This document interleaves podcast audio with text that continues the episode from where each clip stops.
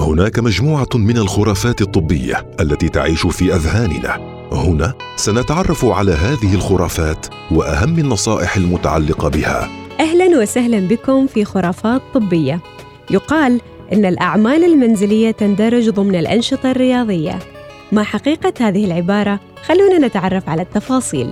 خرافات طبية مع سميرة الفطيسية. دائما يقال إن شغل البيت يعتبر حركة والحركة بركة وهذا المعتقد شائع جدا بين النساء مما جعل بعضهن يستبدل ممارسة الرياضة بالأعمال المنزلية.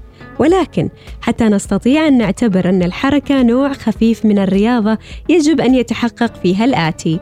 أولاً حركة متواصلة غير متقطعة على الأقل 15 دقيقة. وتيرة الحركة أسرع من المشي العادي الذي يعتبر أدنى أنواع الرياضة. فهل أعمال البيت تفعل لكم هذا؟ الرياضة مجهود بدني يتم فيه رفع نبضات القلب وتسارع عملية التنفس وزيادة التعرق فهل أعمال البيت تفعل لكم هذا؟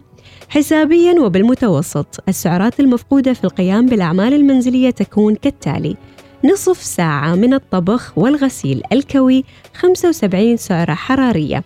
السعرات المفقودة في وضعية الجلوس ومشاهدة مباراة كرة قدم على التلفاز 50 سعرة حرارية والفرق فقط 25 سعرة حرارية. هناك توصيات لوزارة الصحة البريطانية. تقول أن الأعمال المنزلية لا تندرج ضمن الجهد البدني والرياضي.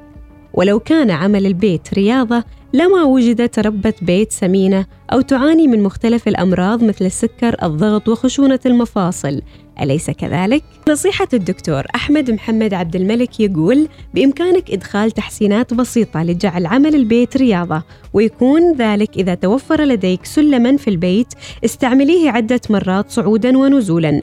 نصف ساعة من صعود ونزول السلم تحرق 250 سعرة حرارية. أيضا القيام بحركات راقصة كتحريك اليدين والساقين عند استعمال المكنسة الكهربائية يحولها إلى عمل ممتع بالإضافة إلى حرق حوالي 200 إلى 250 سعرة حرارية في الساعة الواحدة. أيضا العمل في الحديقة كغرس وقلع النباتات تقليم الحشائش وتهذيبها. حرث الأرض يحرق حوالي 300 سعرة حرارية بالساعة الواحدة. إضافة إلى ذلك يمكن جعل عمل البيت نشاطا اجتماعيا يشارك فيه أفراد العائلة ويكون فرصة لتبادل الأحاديث. حيث وجدت دراسة نشرت في المجلة الأمريكية للصحة العامة أن النساء اللاتي يتم مساعدتهن بأعمال المنزل من قبل أفراد العائلة تقل لديهن مستويات التوتر والاكتئاب.